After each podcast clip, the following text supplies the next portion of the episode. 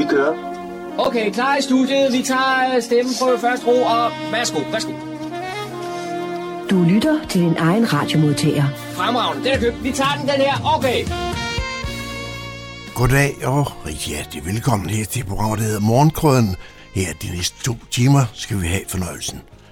Jeg hedder Kurt Kammersgaard, og det er mig, der ligesom finder nogle ting frem, som vi skal have i dag. Og blandt dem kan jeg blandt andet nævne, at uh, John Marco har været en tur til Fyreaftens koncert nede på, på Kulturstationen nede i Humlebæk. Det skal vi høre noget mere om, og det er drejer sig om. Det var tre lærere fra Fredensborg Musikskole, der spillede på deres øh, akustiske guitar dernede, men der også lidt samtale fik han også dernede fra. Så det hører vi her først i udsendelsen. Daniel han har igen fundet lokale nyheder frem, og dem skal vi ikke holde hemmelige. Dem bringer vi også her i løbet af formiddagen. Og så har vi cyberværet tilbage igen, som øh, vi kender så godt. Det er der, vi får de, kan man sige, inspiration til og kan man sige, og ikke at røre ved noget af det, som kan være farligt på nettet. Og der er nok at vælge mellem, skal jeg hilse sige. Øh, så har John øh, Marco igen været en tur på øh, ud sammen med naturvejleder Niels Henriksen. De har været ude ved, ved Søborg, og, og det ligger op ved Gældeleje, og de, skal, de skulle mødes ved Søborg Kirke, og så gik de videre mod slottsruinerne derop. Og vi skal blandt andet høre noget som det, man forventer, at uh, der snart kommer til at genopstå deroppe. Det er nemlig en sø, og den forventer man at få genindført her i 2025. Den har været tørlagt i rigtig mange år. Vi skal høre historien om netop det her med at tørlægge en sø, og hvordan, hvordan det her hele, kan man sige, tingene har været øh, brugt igennem tiderne. Pumpen, de kører stadigvæk deroppe i søen for at holde den tør, men øh, det, dem slukker sig for på et tidspunkt, og så bliver der en ny sø deroppe. Så det kan man bare vente og høre mere om også. Og så har øh, Søren øh, Øbsmann, han har været en tur, øh, øh, hvad skal man sige, ikke, han har ikke været en tur, han har haft besøg her i studiet af folk fra den, øh, og vi skal høre noget om folk fra den gamle biograf og dens historie her i Fredensborg. Og det er, det er altså, at, øh, vi skal høre den første indslag af det i, i dag, og resten kommer i næste uge. Det er formand for Kulturhuset på på Jul og bestyrelsesmedlem, teaterinstruktør instruktør Thomas Malling, der er i studiet og fortæller lidt om historien på den gamle biograf.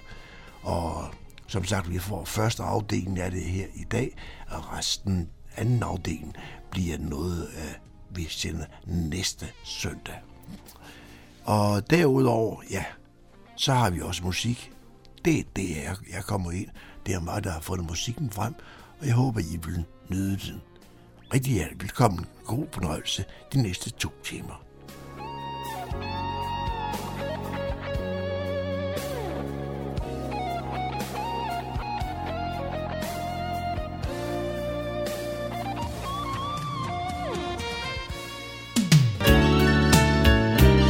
Du lytter til Morgenkrydderen. I studiet er det Kurt Kammerskov. Mandag den 6. marts var der fyraftens på Kulturstationen i Humlebæk. Det var tre guitarlærere fra Fredensborg Musikskole, der viste, hvad sådan et par guitar kan præstere.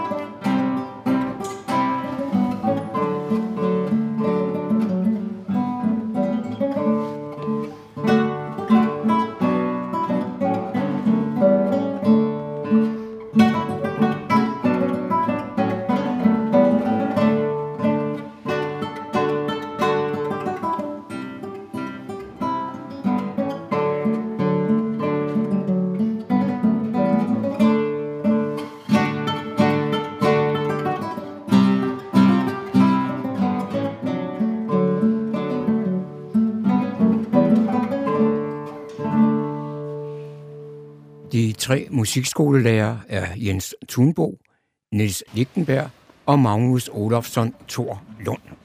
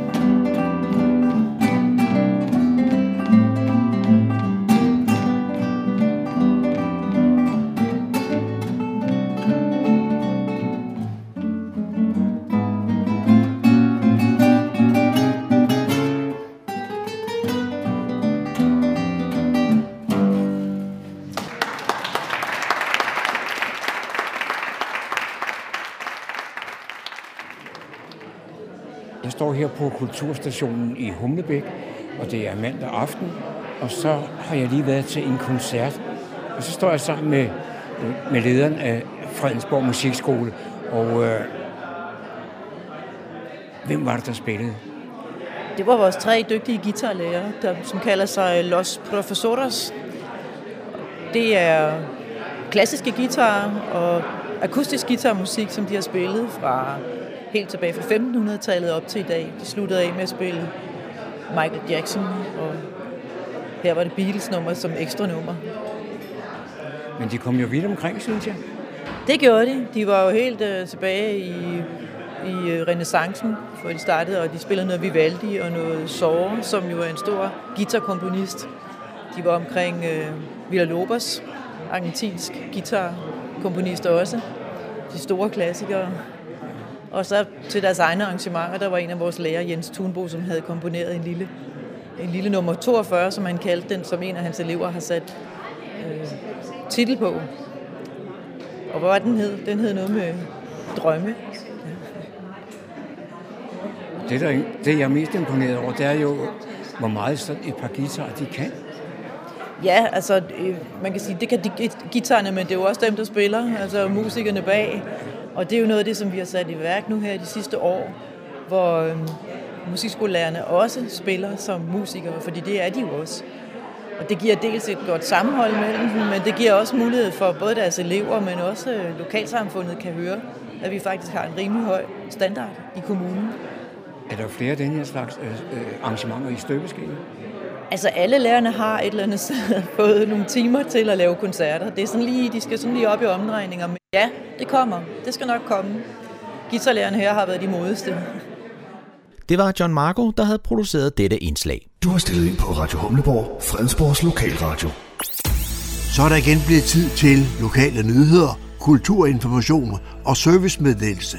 De er alle sammen hentet fra humleborg.dk. I studiet er det Daniel Jørgensen. Et aktuelt forskningsprojekt på Nivogårds malerisamling har ført til et usædvanligt fund af den manglende kvinde i et familieportræt, der i knap 200 år har været for uden moren i billedet. Det nederlandske barokbillede er malet i 1626 af mesteren Cornelius de Vos. En generøs donation fra Ny Carlsbergfondet har muliggjort museets køb af kvindeportrættet, der nu er bragt sammen med sin ægte mand og søn på Nivogårds malerisamling, hvor den genforenende familie kan opleves. På Statens Museum for Kunst blev der opsporet en konserveringsrapport fra 1966, hvor fotografier viser det Foss' billede uden ramme i afrenset tilstand. Gammelt guldnet fernis og overmaling er fjernet og afdækker en del af den manglende kvindes arm. Denne opdagelse gav et nyt indblik i, hvor elegant det store dobbeltportræt må have været, og et fornyet håb om at hente moren hjem til den brunårede søn. Forskernes søgen efter sammenlignelige portrætter af Defos endte til deres begejstring i at identificere et portræt af en kvinde med en stor møllestenskrave, som i 2014 var blevet udbudt til salg hos Christie's i London. Et match med Nivogårds portræt af far og søn afslørede, at forskerne havde genfundet den forsvundne mor i familieportrættet. Museumsdirektør Andrea Gryg Karberg udtaler, det er utrolig lykkeligt, at værket efter forskernes opdagelse ovenikøbet viste sig at kunne erhverves. Forskerne har endnu ikke sluppet opklaringen omkring billedet, men sat jagten ind på det næste spor. Hvem forestiller familien?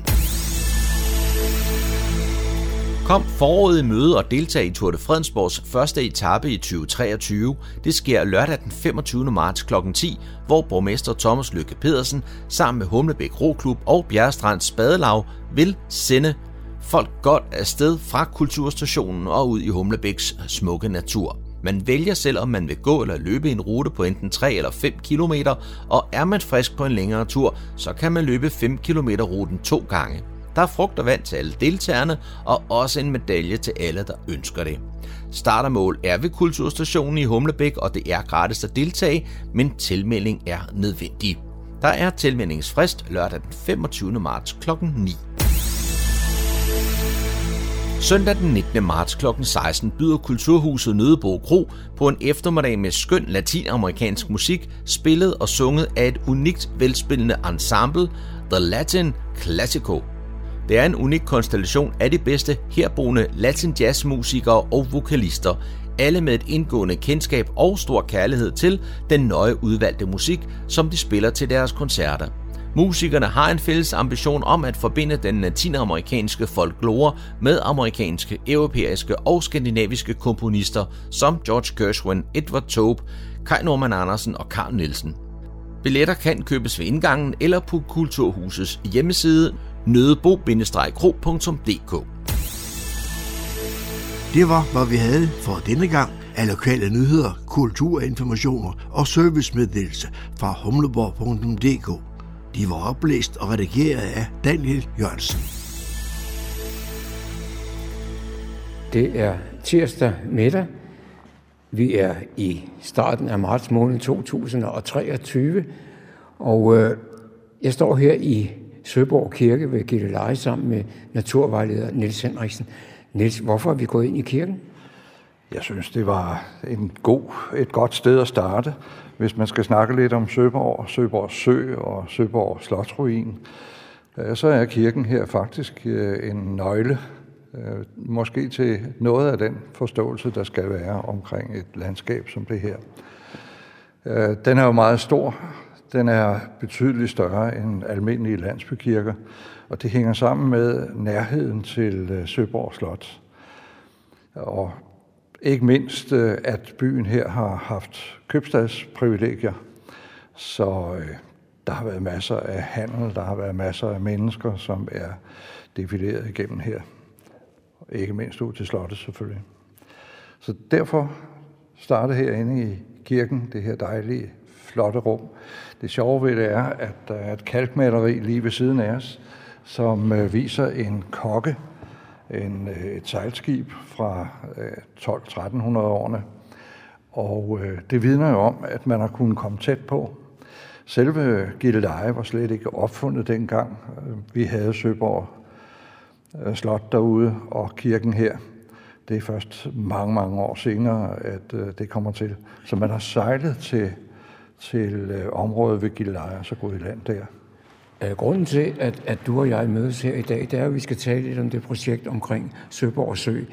Har man kunnet sejle ind til kirken her tidligere?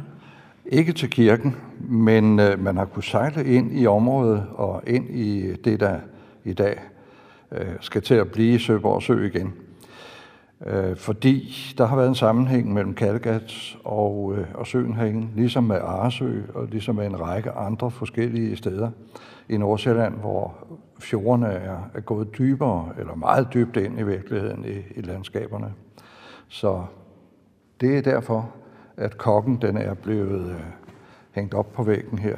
Den har haft en vigtig position i, i forhold til købstaden. Men der er ingen med havn været. Men som sagt, så har vi taget til området her, for det vi skulle høre lidt mere om det der projekt omkring Søborg Sø. Nu ser vi sø, men der er jo ikke nogen sø. Nej, ikke i øjeblikket. Der er lidt øh, pjatvand derude, altså lidt, lidt øh, store pytter, men øh, det er også det hele. Øh, men havde vi øh, haft en sommerdag, hvor der havde været kreaturer på græs nede på engene, så ville vi have kunne mærke, at det faktisk var en gammel sø. Øh, fordi øh, selve bunden, den øh, bevæger sig fuldstændig som om du stod på et skib. Øh, det hele, det shopper op og ned, og, øh, og du kan sagtens, hvis kreaturerne biser lidt rundt på markerne, øh, føle, at, øh, at øh, du går dybt ned og højt op, altså en, en halv til en hel meter forskel på men, øh, overfladen. Men du skal lige forklare mig, hvorfor der ikke er nogen sø i øjeblikket.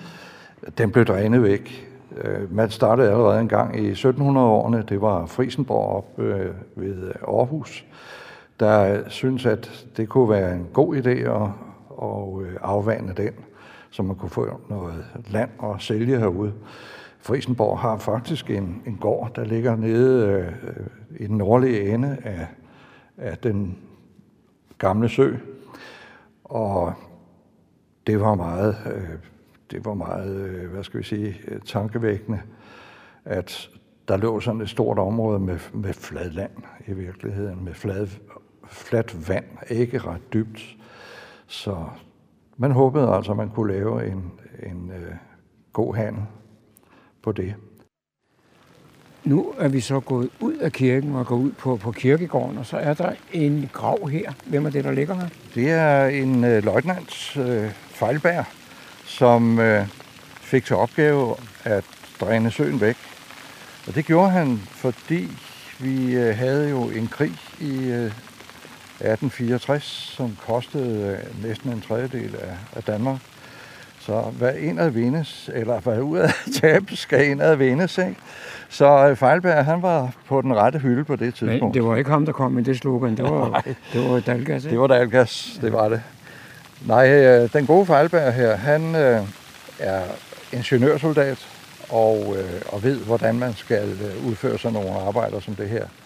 Så han starter i, øh, i slutningen af, 1860'erne, og øh, så fuldfører han øh, arbejdet i, øh, jeg tror det var, i 1876. Der er man færdig med at dræne det.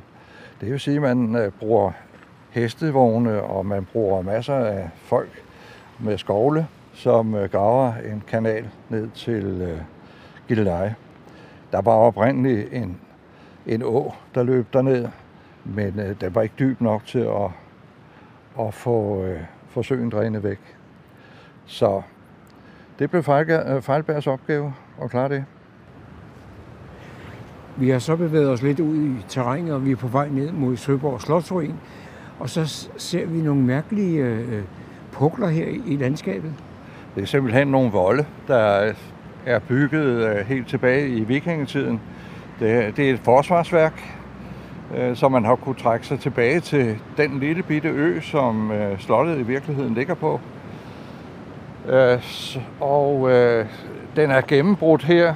Det skyldes simpelthen, at man har kørt over den, altså landbrugsmæssigt har man kørt over den. Og den er også gennemgravet en gang for at undersøge, øh, hvordan strukturen i den var, og hvornår den egentlig var fra. Og sådan er der med flere steder her lige rundt om os. Hvis vi vender blikket over mod selve øh, byen igen, øh, så lå der her inden for en 30 meter, der lå der en øh, træbrønd, som blev gravet ud for en del år siden. som vidner om, at byen har ligget lige her, hvor vi er nu. For man har altid undret sig over, hvor den oprindelige Søborg by var henne af, og hvor tæt på søen den har været. Og man er ikke øh, færdig med at, at finde ud af det endnu. Må, måske skulle vi også lige fortælle dem, der lytter til det her, at øh, nu har det været rigtig godt vejr i mange dage, og det er det sådan set også i dag. Bortset fra, at det har sneet i nat, og det, det, det blæser, og øh, der kommer også lidt nedbør. Så. Men bortset fra det, så er det meget rart at være ude i den friske luft. Og hvor er det, vi har gjort holdt nu? Vi er på det højeste punkt, øh, lige øh, nord for byen, eller nordvest for byen. Og herfra kan vi se over til Slotsruinen, og vi kan se øh, ned til en gård, der ligger nede øh, i øh, den nordlige ende af det, der bliver søen. Og der er studeri derovre i øjeblikket. Masser af heste. Men øh, det var der, at, øh, at øh, ejeren af Frisenborg, han øh, fik bygget en gård til en jæse, tror jeg nok. Jeg er ikke Men, helt sikker. Nu står vi her og kigger ud over et relativt stort landskab. Hvor stor bliver søen, når den bliver reetableret? Øh, den bliver cirka to tredjedel af, hvad den oprindeligt har været. Mere tør man ikke fylde i den, fordi så skal man øh, til at fjerne nogle hus, der ligger herude. Øh, denne her dræning, afvanding, man lavede i 1800-årene, den sluttede i 1913 med, at man udstykkede hele området. Og der blev selvfølgelig lagt nogle gårde relativt tæt på, eller langt ud i det, der oprindeligt havde været sø. Så det er jo lidt på spanden i øjeblikket. Men hvor stort bliver arealet, ved du det? Jeg kan ikke huske det, det endelige resultat på det, og man er vist ikke helt enig endnu om, øh, hvordan øh, resultatet bliver. Fordi øh, der er jo altså noget, der godt kan blive oversvømmet, uden at man er helt sikker på, på nuværende tidspunkt. Og, og her, hvor vi står nu, der kan vi så se de her pytter, som er begyndt at opstå. Er det fordi, man har, man, man har stoppet på, med noget dræning, eller? Nej, egentlig ikke. Man har stadigvæk pumpestationen, som ligger heroppe i, i nordenden, og som øh, tager vandet en 6-7 meter op øh, i forhold til, øh, til øh, den kanal, man har gravet derud til, til øh, Gilleleje. Men øh, Måske er det regnværet i, øh, i løbet af, af efterårs- og, og vintersæsonen, som vi kan se dernede. Der ligger i hvert fald store pytter, og øh, de områder, der er pytter i nu, de vil naturligt blive oversvømmet, når, når øh, vandstanden får lov til at stige. I øh, 23, altså her i, i år, skulle man faktisk øh, have slukket, eller man skal til at slukke pumperne i hvert fald. Og resultatet bliver så, at man får en vandstandshævning nede ved, ved øh, pumpehuset, som kan være en 5-6 meter. Hvad det så er i forhold til øh, gårdene, der, der ligger herude, det kan jeg ikke rigtig sige. Nu er vi så fremme ved Søborg Slotsruin. Og Niels, hvor langt har vi gået fra kirken og herhen? Vi har gået en cirka 800 meter. Mere er det faktisk ikke, men øh, et vejr som det her, hvor der ligger lidt sne og chap, så kan man jo altså ikke øh, løbe. Så skal man tage den lidt med ro. Men nu er vi i hvert fald nået frem, og det har sikkert været et koldt sted øh, i 12, 13, 14, 1500 årene at, at være her ved, øh, ved søen og ved slottet. Fordi i, den periode havde vi koldere klima, end vi har i dag. Det kommer vi ikke udenom. Der er sket meget på den front. I 1600-tallet, der var der jo is over Storebælt, så svenskerne kunne gå herover til, til øh, de små øer for neden der, Lolland og Falster, og så ind til uh, Vordingborg. De har så ikke været heroppe, de gode svensker. Ikke i forhold til, uh, til slottet her. Men øh, når vi nu kigger ud over terrænet, som snart bliver til, til sø igen, så kan jeg se, at der er sådan nogle karakteristiske ritter i, i landskabet. Hvad er det? Det er simpelthen søgegrøfter, som øh, vores arkeologer har været ude at lave. Jeg har en bekendt, som er museumsinspektør ved øh, Museum Nordsjælland, og øh, Hun lå hernede og rode en dag med morsen i vejr, hvor jeg kom forbi og, og lige skulle se, hvordan gik det egentlig. Øh, og det viste sig, at, øh, at selve søbredden øh, ligger lidt længere nede, end øh, det vi oprindeligt troede.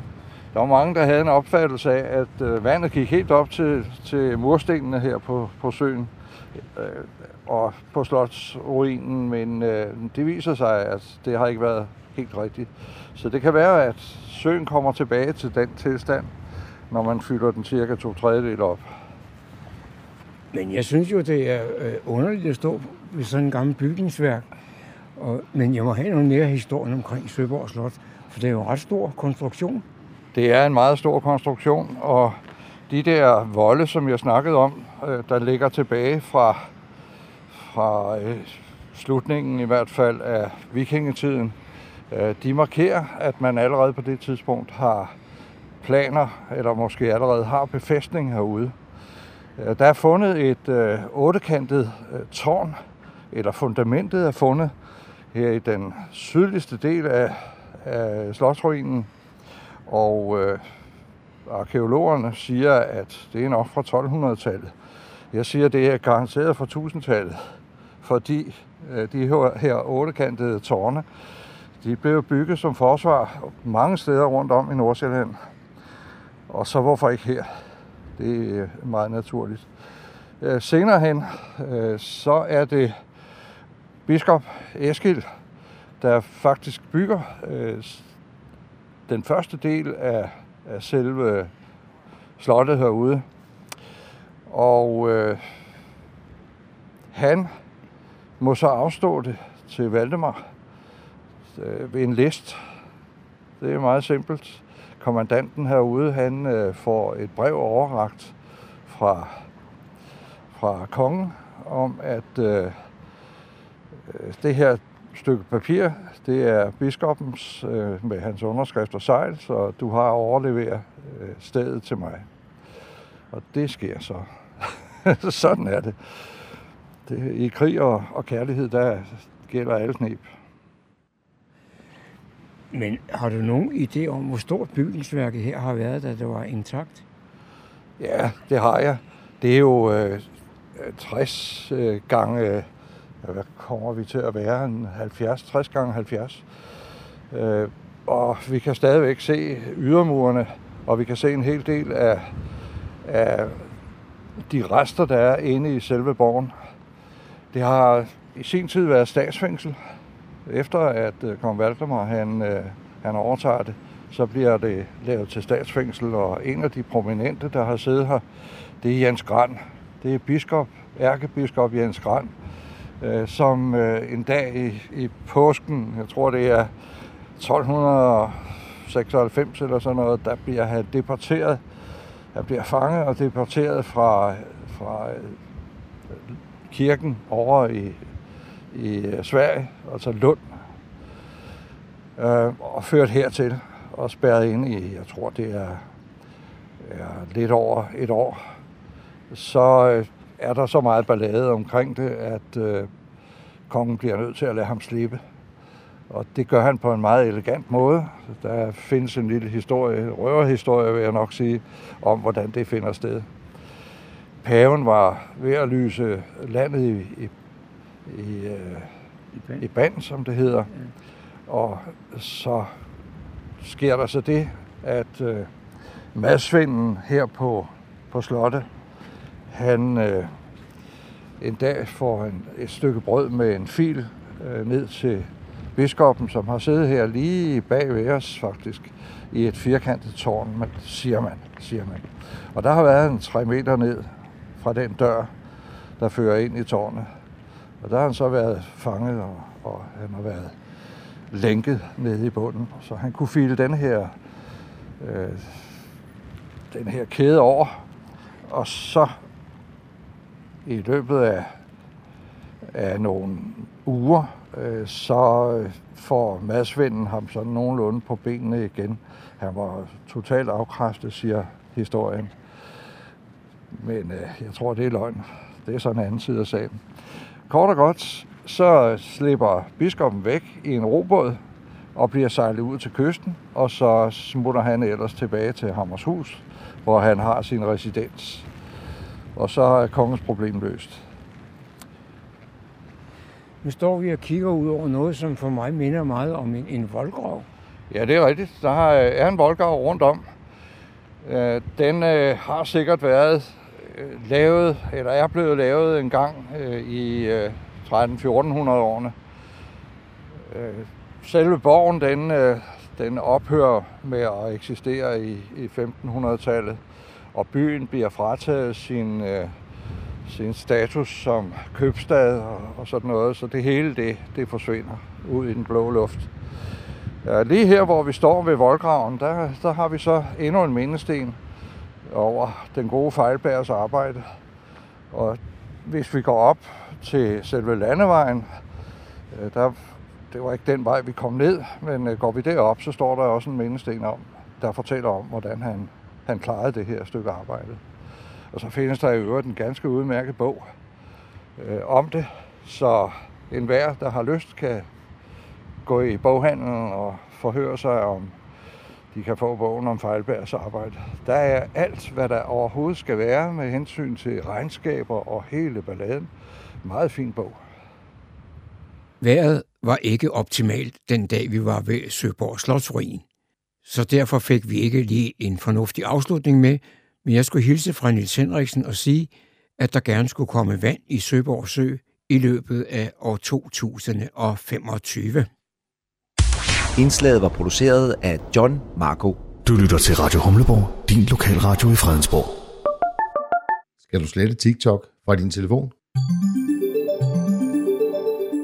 Cyberværet med IT-sikkerhedseksperten Leif Jensen. Der har været rigtig meget snak om TikTok i den forgangne uge, og det kommer vi helt sikkert også til at høre mere om i den nærmeste fremtid. Blandt andet så går snakken på, at TikTok er en app, der er ejet af en kinesisk virksomhed, og man er bange for, at den virksomhed den deler alle de opsamlede data med øh, den kinesiske regering. Det har man ikke nogen beviser for, men det er man i hvert fald alvorligt bange for fra mange politikers side. Og det har resulteret i, at øh, rigtig mange har allerede været ude og anbefale deres medarbejdere, at de ikke må have TikTok på deres arbejdstelefoner. Øh, og øh, den amerikanske præsident har også været ude og sige, at han kunne godt tænke sig, at det blev forbudt øh, i det hele taget at bruge TikTok i Amerika. Men er det nu også så farligt, som det lyder? Se, når politikere de forklarer sig noget her, så gør de det jo ret simpelt, og så skærer de over en kamp og siger, at det er hele appen, der er farlig, og som indsender en hel masse data, som de andre apps ikke gør. Det er lidt en sandhed med modifikationer. Der er ikke nogen tvivl om, at TikTok sandsynligvis indsamler rigtig mange data. Øh, mange øh, sikkerhedsforskere har kigget på, hvad er det for nogle data, der bliver indsamlet, hvordan foregår det. Og noget af det, øh, der bliver sagt gentagende gange, det er, at appen i sig selv er simpelthen ikke anderledes end så mange andre apps til mobiltelefoner. Der, hvor øh, den er lidt speciel, det er, at ligesom en del andre apps, så har den en indbygget browser, øh, med det argument, at det skal give en nemmere og mere flydende brugeroplevelse. Og det kan der selvfølgelig også være noget om, hvis der sker noget inde i appen, og man skal klikke på et link, jamen så er det jo rart, at den ikke åbner et andet vindue, men at det hele det sker derinde. Men der er nogen, der har kigget på den kode, og øh, der bliver øh, sat en lille bitte smule kode ind i øh, de her sider, man nu besøger, og det betyder, at øh, folkene bag appen, de teknisk set kan øh, Øh, få logget alt, hvad man øh, trykker på, mens man er inde i den her indbyggede browser. De kan se tekster, de kan se brugernavn og password, som man skriver. De kan følge, hvordan øh, ens adfærd er rundt på skærmen. Og det er selvfølgelig ganske ubehageligt. Jeg tror nu ikke, at TikTok er den eneste, øh, der bruger den her mekanisme. Husk på, at der er cirka 1,6 millioner apps på Apples øh, App Store, og cirka 3,5 millioner på Googles Play Store. Så det vil være lidt naivt at tro, at TikTok er den eneste. Men den har selvfølgelig mange brugere, øh, så det er fair nok, at, øh, at der bliver snakket om det. Men at skride til forbud, det er måske øh, lige voldsomt nok.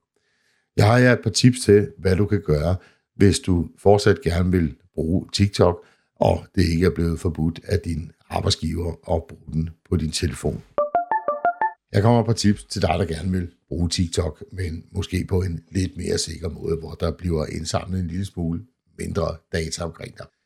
Tip nummer et. Når du opretter en TikTok-profil, så lad være med at blive fristet til at logge ind med Facebook eller Google, selvom det er dejligt nemt. Ligesom med andre apps, så er anbefalingen, at du simpelthen opretter en konto, og brug gerne en e-mailadresse, som du har oprettet til den slags apps, altså ikke din primære e-mailadresse. Er løbet kørt, og har du fået oprettet en konto på TikTok, og du ikke har uploadet en hel masse øh, content derinde, så vil jeg klart anbefale dig, at du starter forfra og gør, som jeg siger, opretter en separat konto og lad være med at linke den til Facebook og Google. Når du så er inde i appen, så bliver du også tilbudt, at du kan selvfølgelig linke op med Facebook og Google og alle mulige andre ting. Lad være med det. Det gælder også alle mulige andre apps. Lad være med at lade dem tale sammen indbyrdes. Nå, men så er tiden kommet til at gå ind i app-indstillinger på din telefon og gennemgå de tilladelser, du har givet appen. Og det, behøver, det bør du jo gøre med alle mulige andre apps, du har på din telefon, men det er en anden snak. Men mindre du selv oplever, uploader indhold til TikTok, så slå deling af mikrofon og kamera fra. Det er der ikke nogen grund til at have slået til. Og slå også gerne øh, deling af kontakter fra. Og så bør du selvfølgelig altid slå tillad tracking. Når du ikke bruger TikTok-appen, så for øh, god øh, datahygiejnes skyld, så luk appen helt. Når du er inde i appen, så lad være med at klikke på links, som du måtte se derinde, fordi så sker der det, jeg fortalte om før, at det bliver åbnet inde i en browser, inde i selve TikTok-appen, og så kan de i den anden ende potentielt følge med i, hvad du laver. Så modtager du et link, som du rigtig gerne vil åbne, jamen så åbn en separat browser, og så skriv adressen på det link. Eventuelt så kan du lave copy-paste og føre den over i browseren. Hvis du vil være lidt mere sikker på, at TikTok de får færre data om dig, jamen så lad være med at installere appen. Du kan faktisk sagtens bruge TikTok uden at have appen. Åbn en browser på din telefon eller PC og skriv www.tiktok.com i adresselinjen. Så er du altså lidt bedre på vej. Det var cyberværet for denne gang. Vi er tilbage igen med en ny cyberværetudsigt igen næste uge. Tusind tak, fordi du lyttede med. Så er der igen blevet tid til lokale nyheder, kulturinformation og servicemeddelelse. De er alle sammen hentet fra humleborg.dk. I studiet er det Daniel Jørgensen. Fredensborg Museum skal fremover drives af frivillige, og derfor søger Fredensborg Kommune nu efter ildsjæle, der har lyst til at være med til at forberede etableringen af en museumsforening. Så brænder du for formidling af lokalhistorie, og har du lyst til at være en del af den indledende proces, der skal forme rammerne for en forening, så kom til møde på Fredensborg Rådhus tirsdag den 28. marts kl. 18.30.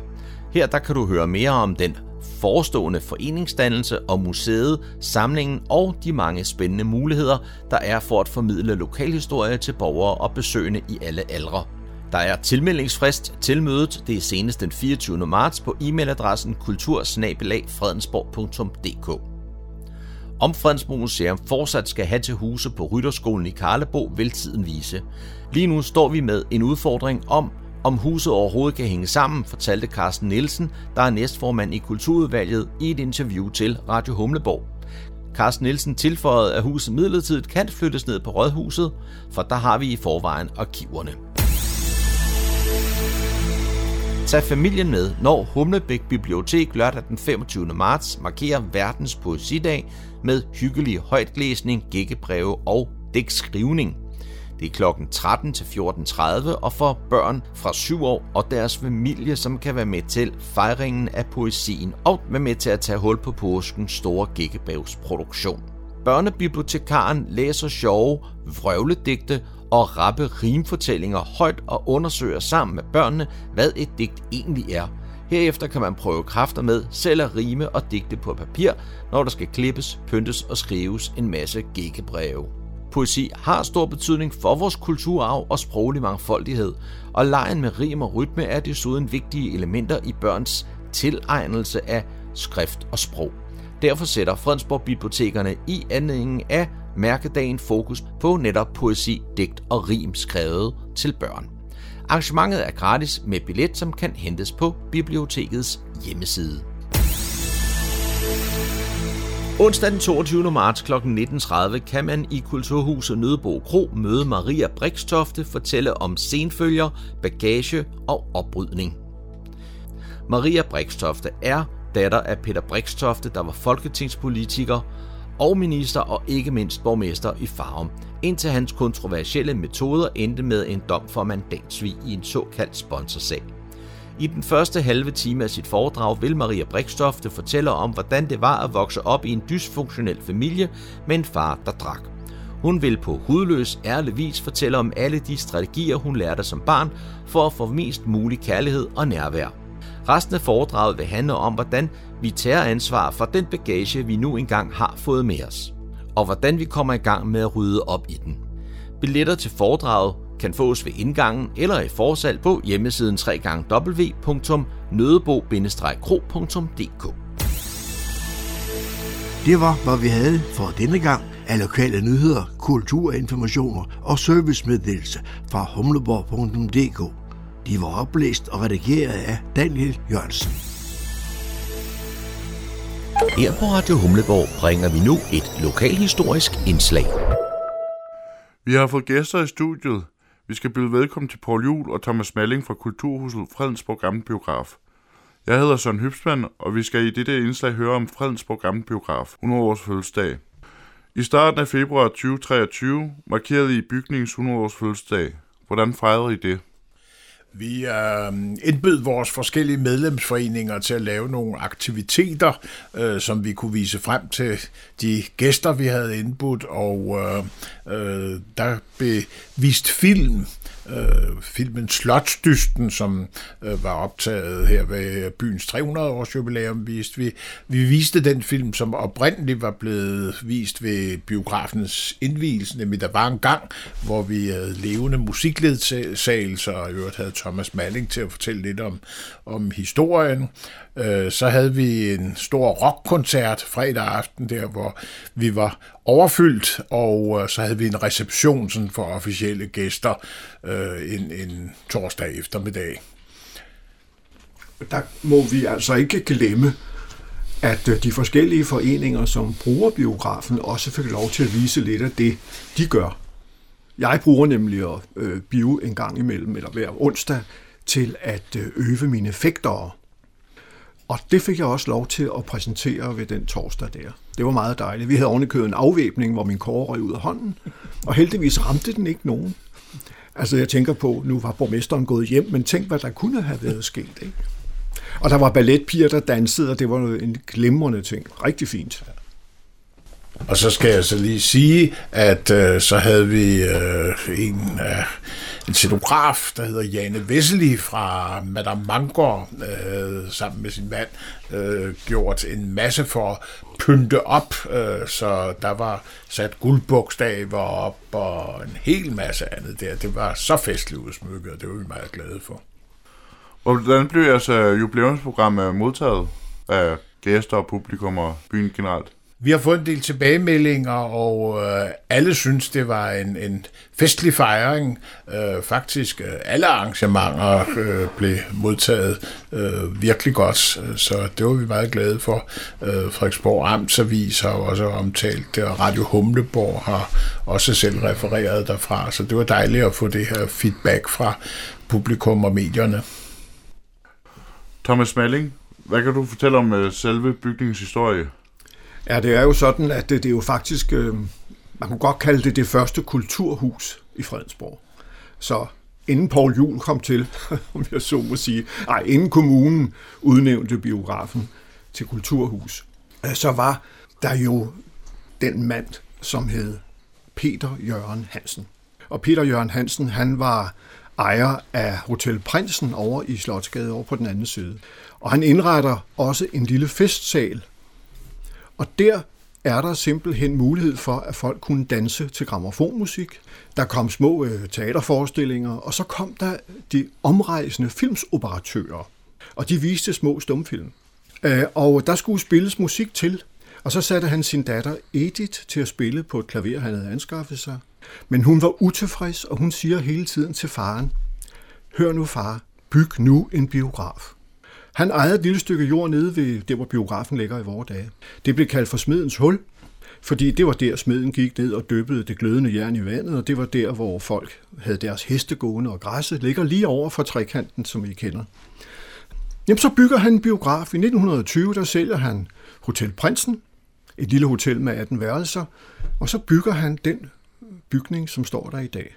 Og åbner dørene den 9. februar 1923 med, som Paul fortalte, der var en gang. Det var den første premierefilm. Sådan blev biografen til.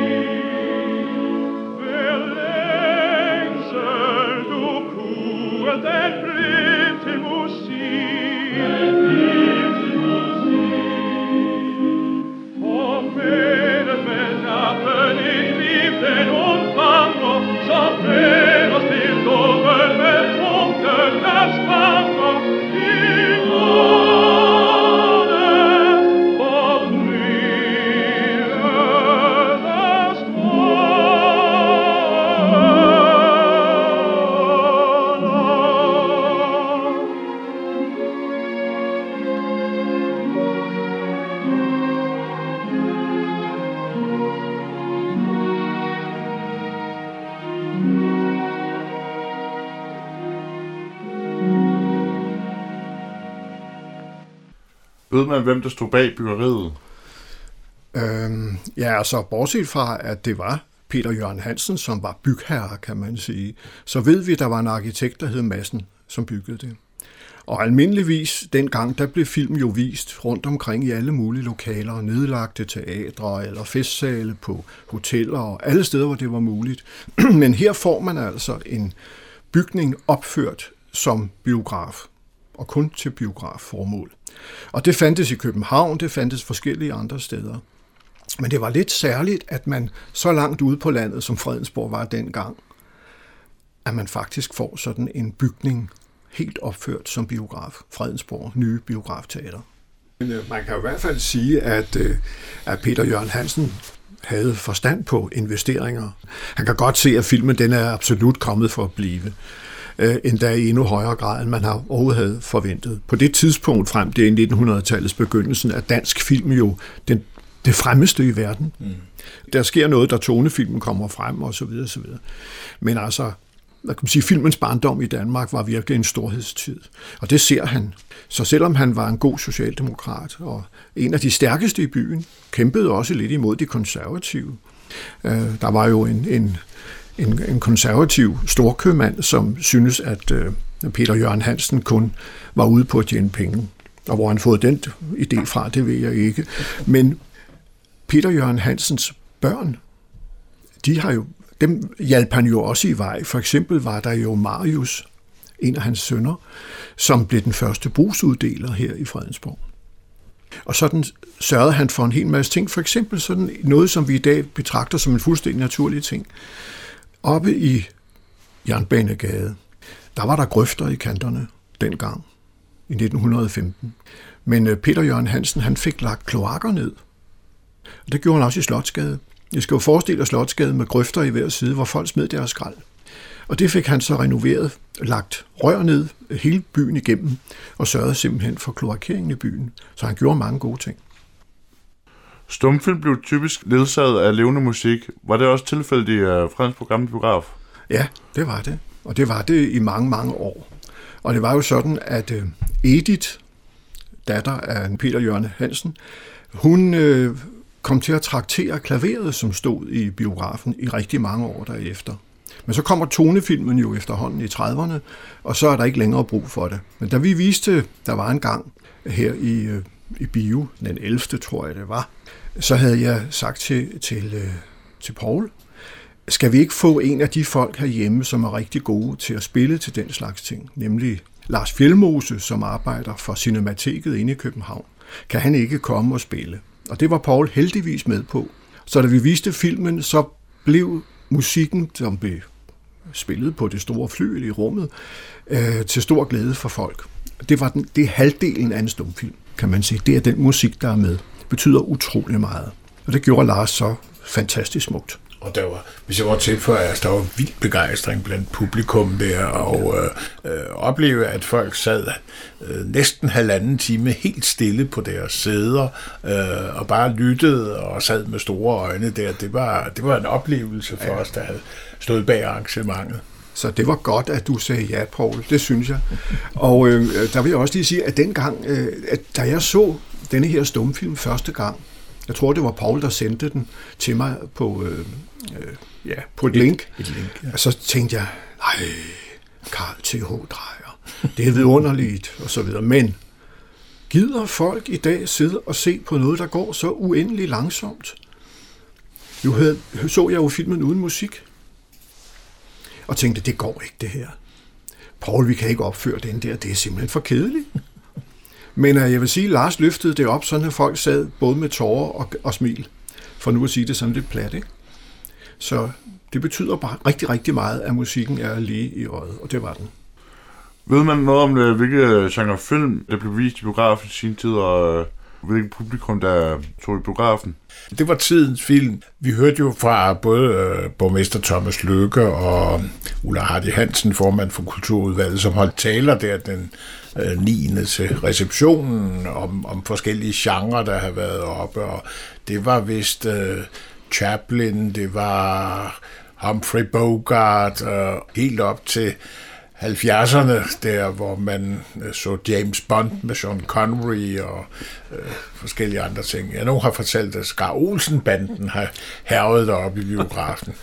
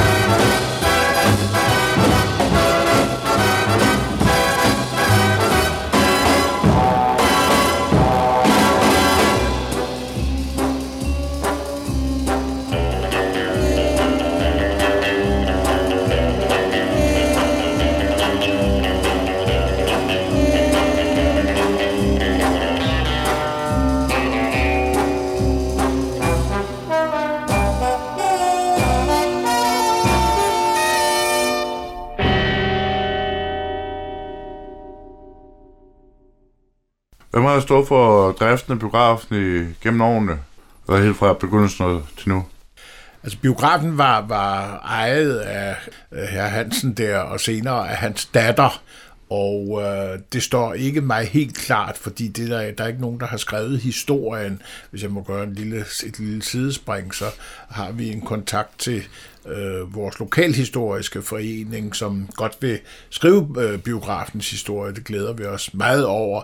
Øh, de havde ikke mulighed for at nå det øh, inden vores 100-års jubilæum, men øh, gode ting er ved at vente på, så, så det glæder vi os til. øh, når det sker. Og så tilbage til, til sporet med dit spørgsmål. Øh, jeg tror, et der ejede det ind til en gang i 70'erne. Så blev det solgt til kommunen, øh, som prøvede at lave forskelligt. Så blev det solgt tilbage igen til en privat ejer, og så kørte det sådan lidt humpedumpe. Der var billardklub i kælderen, og der var øh, foreningsarrangementer og så videre og så videre. Øh, hvis vi når frem, det ved jeg ikke, om det er for hurtigt et spring til 2004, mm-hmm så kom der en forspørgsel fra slottet til kommunen, om kommunen kunne være behjælpelig med et internationalt pressecenter, eller plads til et internationalt pressecenter i forbindelse med kronprinsens øh, bryllup med Mary Donaldson, og øh, der sprang kommunen til at være yderst behjælpelig i det, man sagde, så kunne man jo indrette øh, gamle bio til det. Øh, der lavede man så en øh, forholdsvis bekostelig ombygning. Øh, det siges, at mm. øh, prisen blev dobbelt så stor, som man havde kalkuleret og bevilget Øh, men der findes ikke i kommunens arkiver noget som helst om, øh, hvad man der lavede dengang. Det kan være, at der er nogen, der har sat en tændstik til, eller det er blevet væk i forbindelse med kommunesammenlægning. Det ved jeg ikke. Men jeg tror i øvrigt nok, at der før den tid, der er foretaget en tilbygning, øh, som ligger mod syd, øh, hvor der kom trappe ned til kælderen, og der blev lavet køkken og forskellige andre ting. Men øh, denne store øh, investering i 2004 viste sig at være en fejlinvestering, for der kom ikke nogen presse, og der blev ikke noget pressecenter. Øh, men øh, som jeg plejer at sige, øh, fordi man skal jo være positiv, det er kommunens bedste fejlinvestering til dato, og øh, derfor har vi faktisk et øh, særdeles velfungerende øh, kulturhus i dag. Øh, der kom kommunesammenlægning der, som blev effektueret i 2005-2007, hvor Fredensborg Humlebæk Kommune blev sammenlagt med Karlebo Kommune og blev til den nuværende Fredensborg Kommune. Og i et par år, der blev holdt både byrådsmøder og udvalgsmøder øh, deroppe, indtil kommunen købte flylet derovre langs motorvejen, hvor der havde været vist, var det ikke statsanstalten for livsforsikring eller andet stort finansielt selskab. Mm. Og øh, så blev bygningen sådan set ledig og øh, blev egentlig ikke øh, brugt til noget fast. Man kunne mhm. øh, låne den og lege den og lave arrangementer deroppe. Og det gik så frem til 2014, hvor, hvor vi overtog den. Indslaget var produceret af Søren Hybsmand. Du lytter til morgenkrydderen.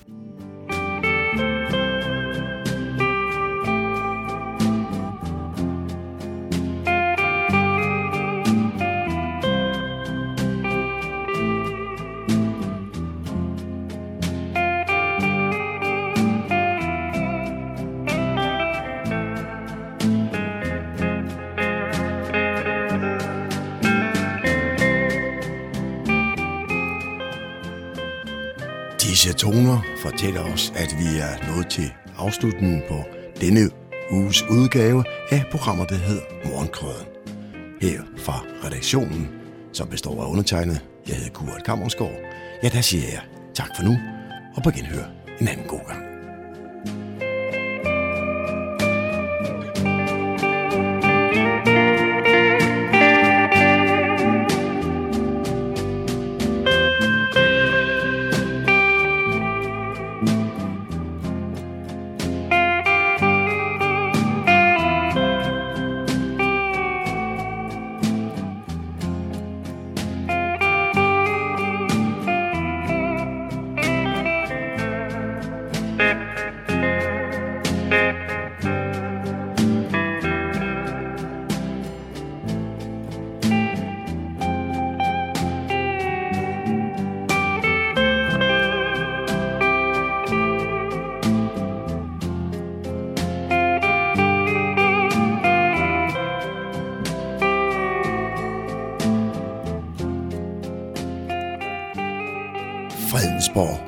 Radio, Radio Humleborg.